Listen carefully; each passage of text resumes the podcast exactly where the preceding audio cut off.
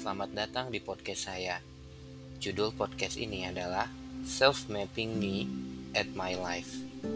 Apa yang akan saya sampaikan di podcast ini adalah tentang siapa saya menurut self mapping yang saya buat. Me as my mind. Di dalam blog ini, di dalam podcast ini, saya akan menyampaikan beberapa versi diri saya. Diharapkan ini bisa memberikan sebuah pengalaman baru, pengenalan baru tentang siapa diri saya, dan mungkin bisa diimplementasikan juga terhadap diri para pendengar semuanya. Me as my mind.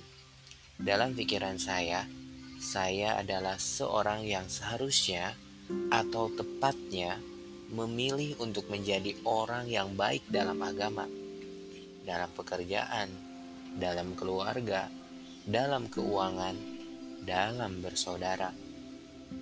Me as my tough. Saya sudah cukup sesuai, setidaknya berusaha sesuai dengan apa yang saya katakan. Apakah ada perbedaan? Mungkin ada, karena beberapa aib tidak bisa saya katakan. Cukup Allah Subhanahu wa taala yang tahu dan semoga Allah taala mengampuni saya.